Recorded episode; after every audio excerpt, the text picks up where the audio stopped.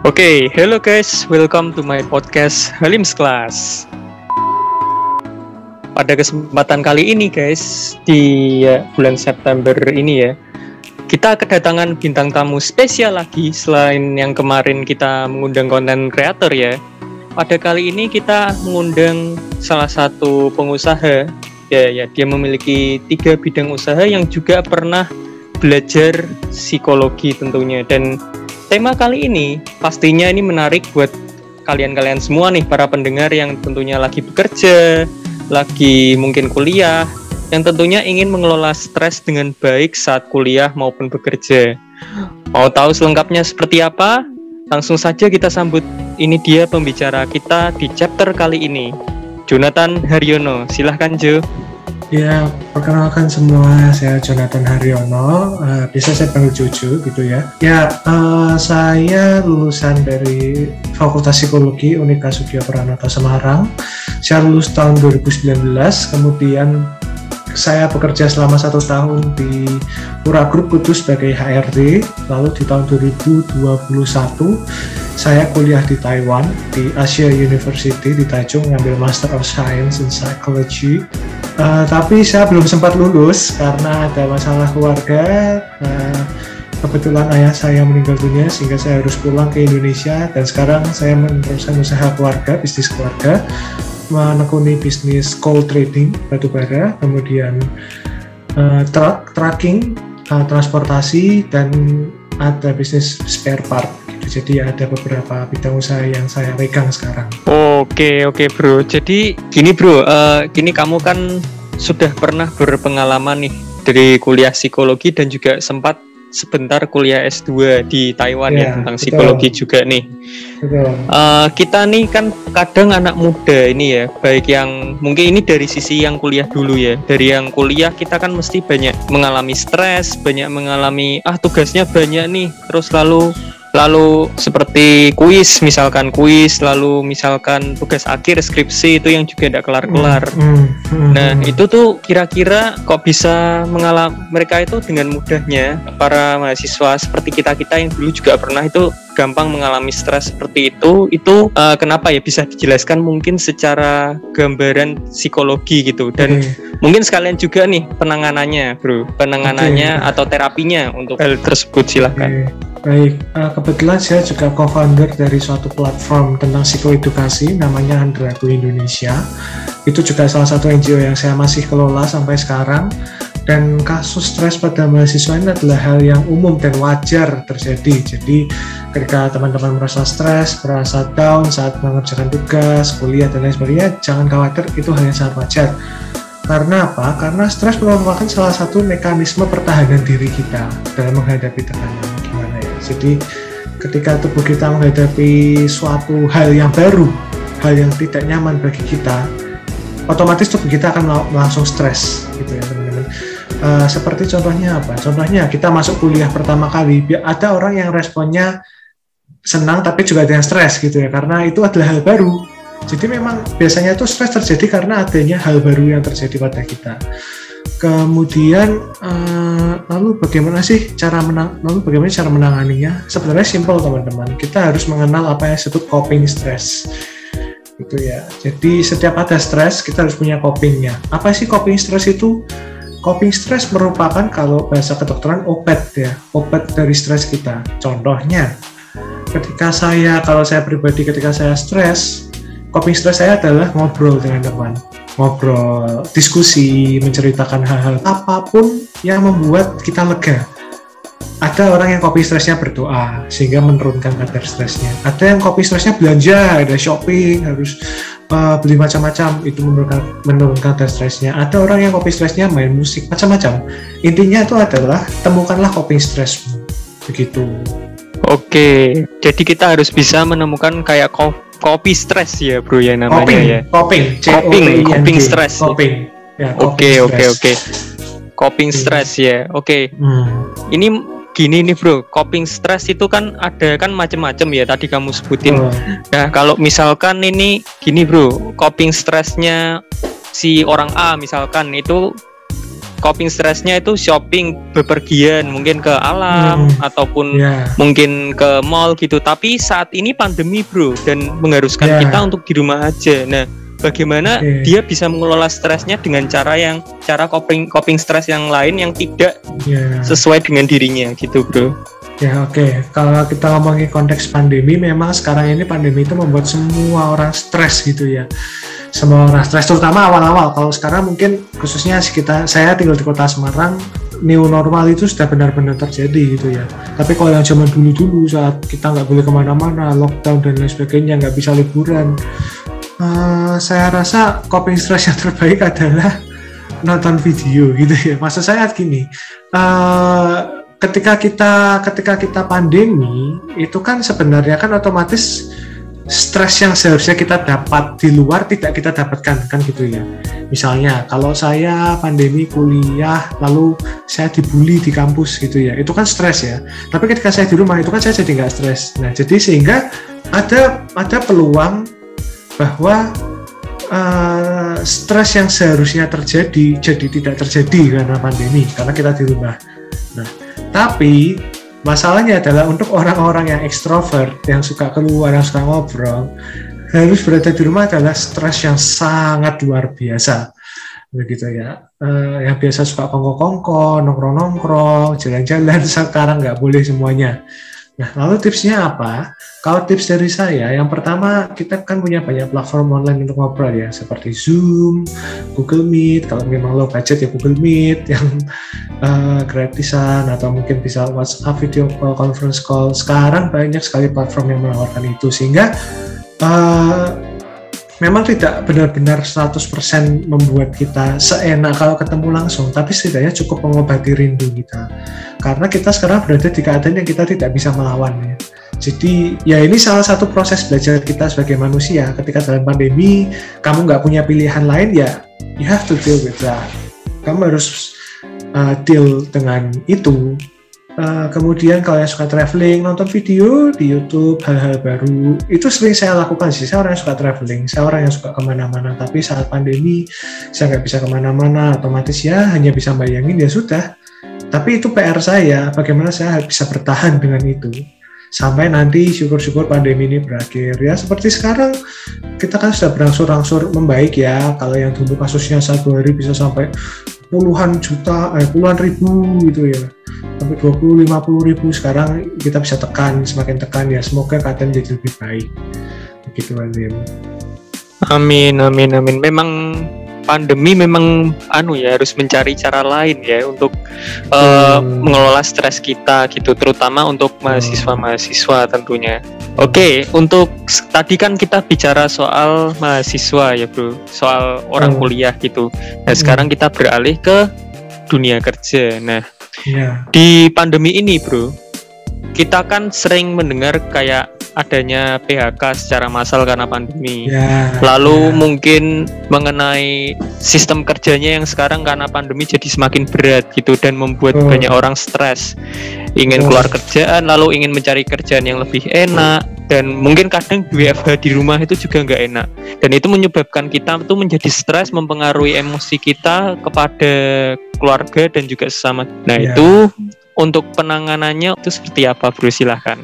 Oke, saya pernah mengalami bekerja dalam pandemi dalam posisi sebagai karyawan, karyawan baru, sebagai HR, dan sekarang saya bekerja di pandemi sebagai owner gitu ya. Jadi saya rasa cukup sudut pandang saya cukup luas.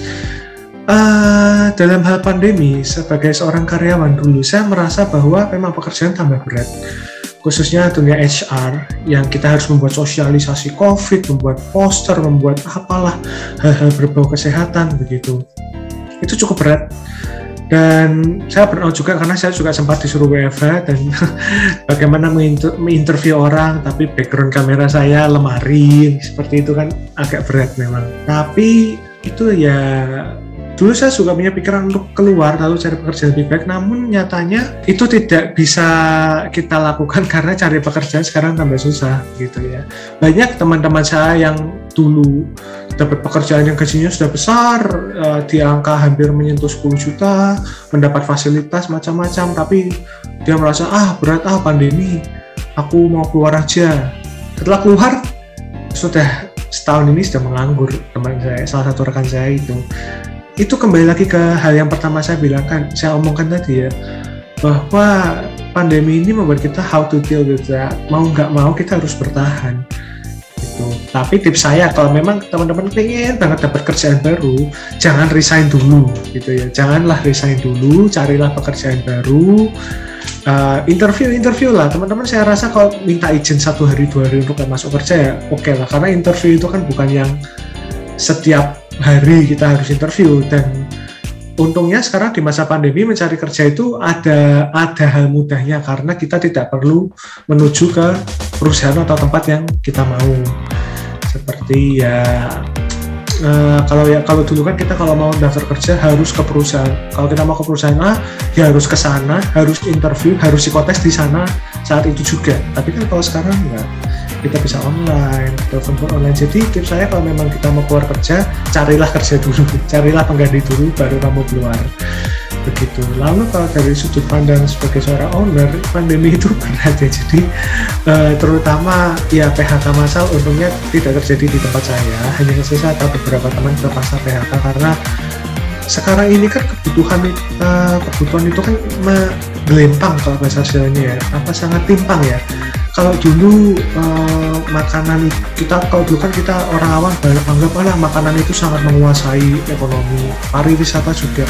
Sekarang semuanya mati. Sekarang semua uang rakyat semua orang uang customer larinya adalah ke mana? Ke peralatan medis gitu ya masker obat oksigen semua uang mereka di sana sehingga sektor-sektor lain yang dulunya necessary, dulunya penting, sekarang nggak penting seperti tekstil, seperti uh, apa namanya tekstil, beberapa rumah makan kecil, kemudian tempat wisata yang dulunya selalu ramai, dulunya mereka merasa aman, sekarang nggak ada yang beli karena para konsumen ini uangnya larinya ke peralatan kesehatan semua.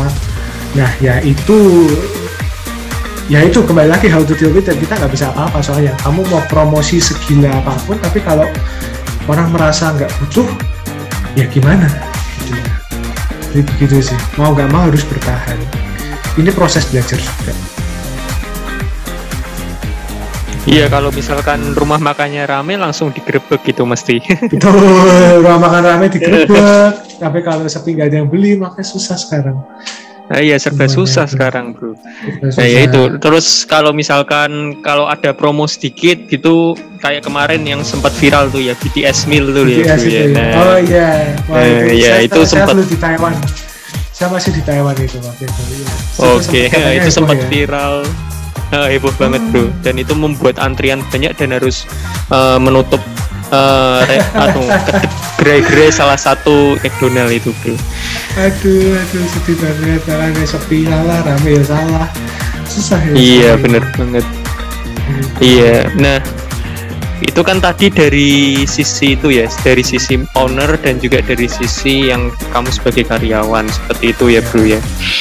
nah untuk yang mungkin ini dari sisi mungkin mahasiswa yang sudah lulus fresh graduate namun belum dapat kerja dan bisa menganggur mungkin satu tahun ini karena pandemi. Mungkin sekitar setahun ini selama pandemi mungkin juga stres gitu. Dan tips untuk terapinya mereka itu bagaimana bro? Supaya bisa menerima keadaan supaya paling nggak semangat lagi mencari kerjaan baru. Itu gimana bro? Silahkan.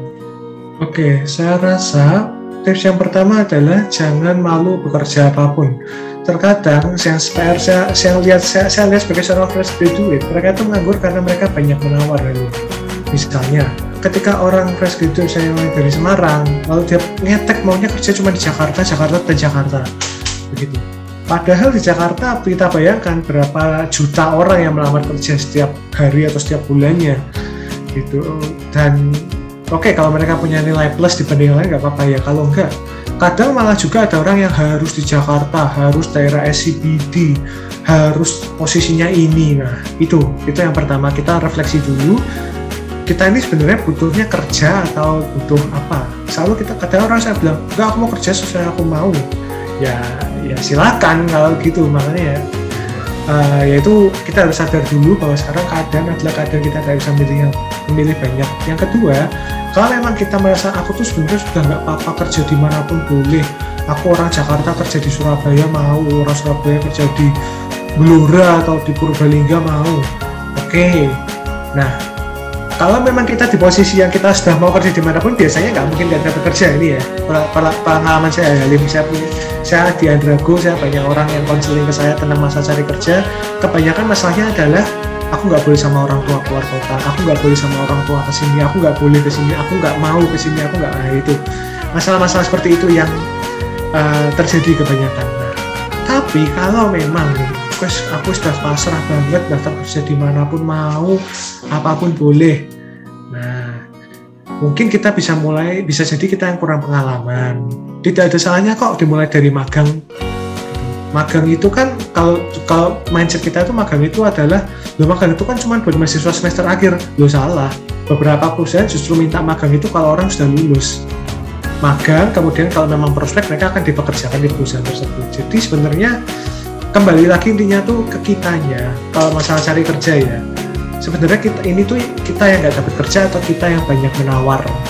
Ya tapi kalau memang kita banyak menawar dan kita nggak dapat dapat pekerjaan ya bagaimana cara cara terapinya cara uh, mengobati stresnya? Ya ya ya coba cobalah refleksikan dirimu jangan terlalu banyak menawar lah. Lebih tepatnya seperti itu sih. Jangan terlalu banyak menawar uh, orang tua mungkin bisa diberi pengertian bahwa memang pekerjaan susah kalau bisa keluar kota aja seperti itu sih tepatnya.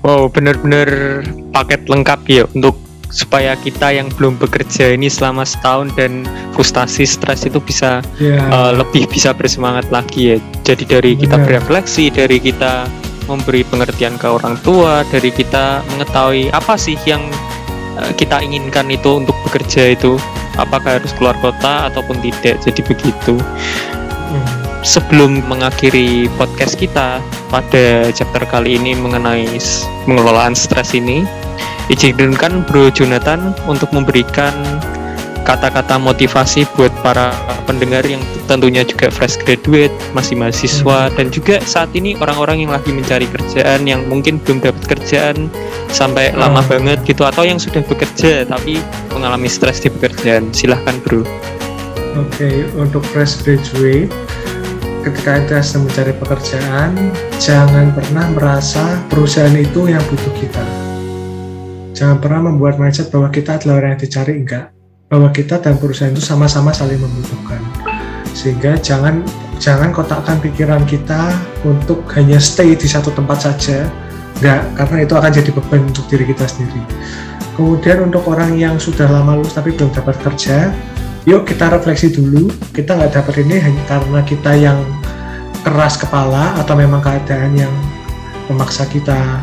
Kalau memang keadaan yang memaksa nggak ada salahnya atau kita nyoba dari magang dulu. Atau kalau kita punya modal kita buka usaha. Semuanya bisa kok pasti dilakukan. Kemudian untuk orang yang kerja tapi stres ingat teman-teman ketika kita putuskan resign belum tentu kita akan dapat pekerjaan dan bayangkan kalau kita nanti nggak dapat uang dan kita nggak bisa makan kira-kira akan lebih stres mana seperti itu sih Oke, Jadi, terima intinya, kasih. Intinya, ini gini aja. Yeah. Hidup hidup itu berat, tapi akan lebih berat lagi kalau kita tidak menghidupinya. Wis, kata-kata yang tentunya mem memberikan semangat gitu ya, yang yang memberikan insight bagi kita supaya kita tidak boleh menyerah dalam menjalani hidup ini maupun di kala pandemi ini. Oke, sebelum kita akhiri juga pada kesempatan kali ini, izinkan aku mempromosikan salah satu akun Instagram yang tadi sudah Bro Jonathan sebutkan yaitu andrago.id. Iya. Yeah. Yeah. Itu isinya apa saja, Bro? Silahkan dipromosikan sekalian ini. Pendengarnya bisa nambah followers gitu di akunmu gitu. Yeah. Jadi andrago.id itu adalah platform psikoedukasi, tepatnya untuk pengembangan diri kita. Karena kan kita ngomong psikologi pendidikan itu bukan hanya setting sekolah, tapi bagaimana kita mengembangkan uh, value kita karena moto kami adalah learn your path, grow your words. Pelajari jalanmu, tumbuhkan nilaimu. Gitu. Jadi kami percaya bahwa ketika kami membantu teman-teman semua mempelajari jalan hidup kita, pasti nilai kita akan tumbuh. setelah kita menemukan jalannya. Kami menyediakan banyak apa ya, banyak kegiatan untuk kita bisa lakukan bersama mulai dari webinar. Kami sedang isi webinar di beberapa sekolah dan instansi, kemudian konseling. Kami tidak pernah mematok fee untuk konseling gitu. Uh, sebenarnya ada fee-nya hanya kita akan lihat sikon biasanya kalau memang teman-teman ini benar-benar nggak mampu kami akan kasih konseling gratis. Banyak kok kami sudah ngasih konseling gratis. Kami kerjasama dengan banyak instansi untuk beri konseling juga sudah sudah umum terjadi di tempat kami. Jadi bisa di follow banyak informasi yang menarik dan banyak layanan-layanan yang menarik pula at andrago.id Oke, terima kasih bro untuk uh, sedikit memberikan promosi mengenai andrago.id yaitu kita harus bisa mengenali jalan ninja kita gitu ya kalau di Naruto ya bro. betul, betul, betul. Iya. Oke, akhir kata kita sudah sampai pada penghujung podcast kita kali ini. Nantikan chapter-chapter berikutnya yang bisa memberikan inspirasi, memberikan pelajaran hidup yang berharga bagi kalian semua, dan tentunya ilmu-ilmu yang bermanfaat juga. See you and goodbye. Sampai jumpa kembali. Bye, sampai jumpa.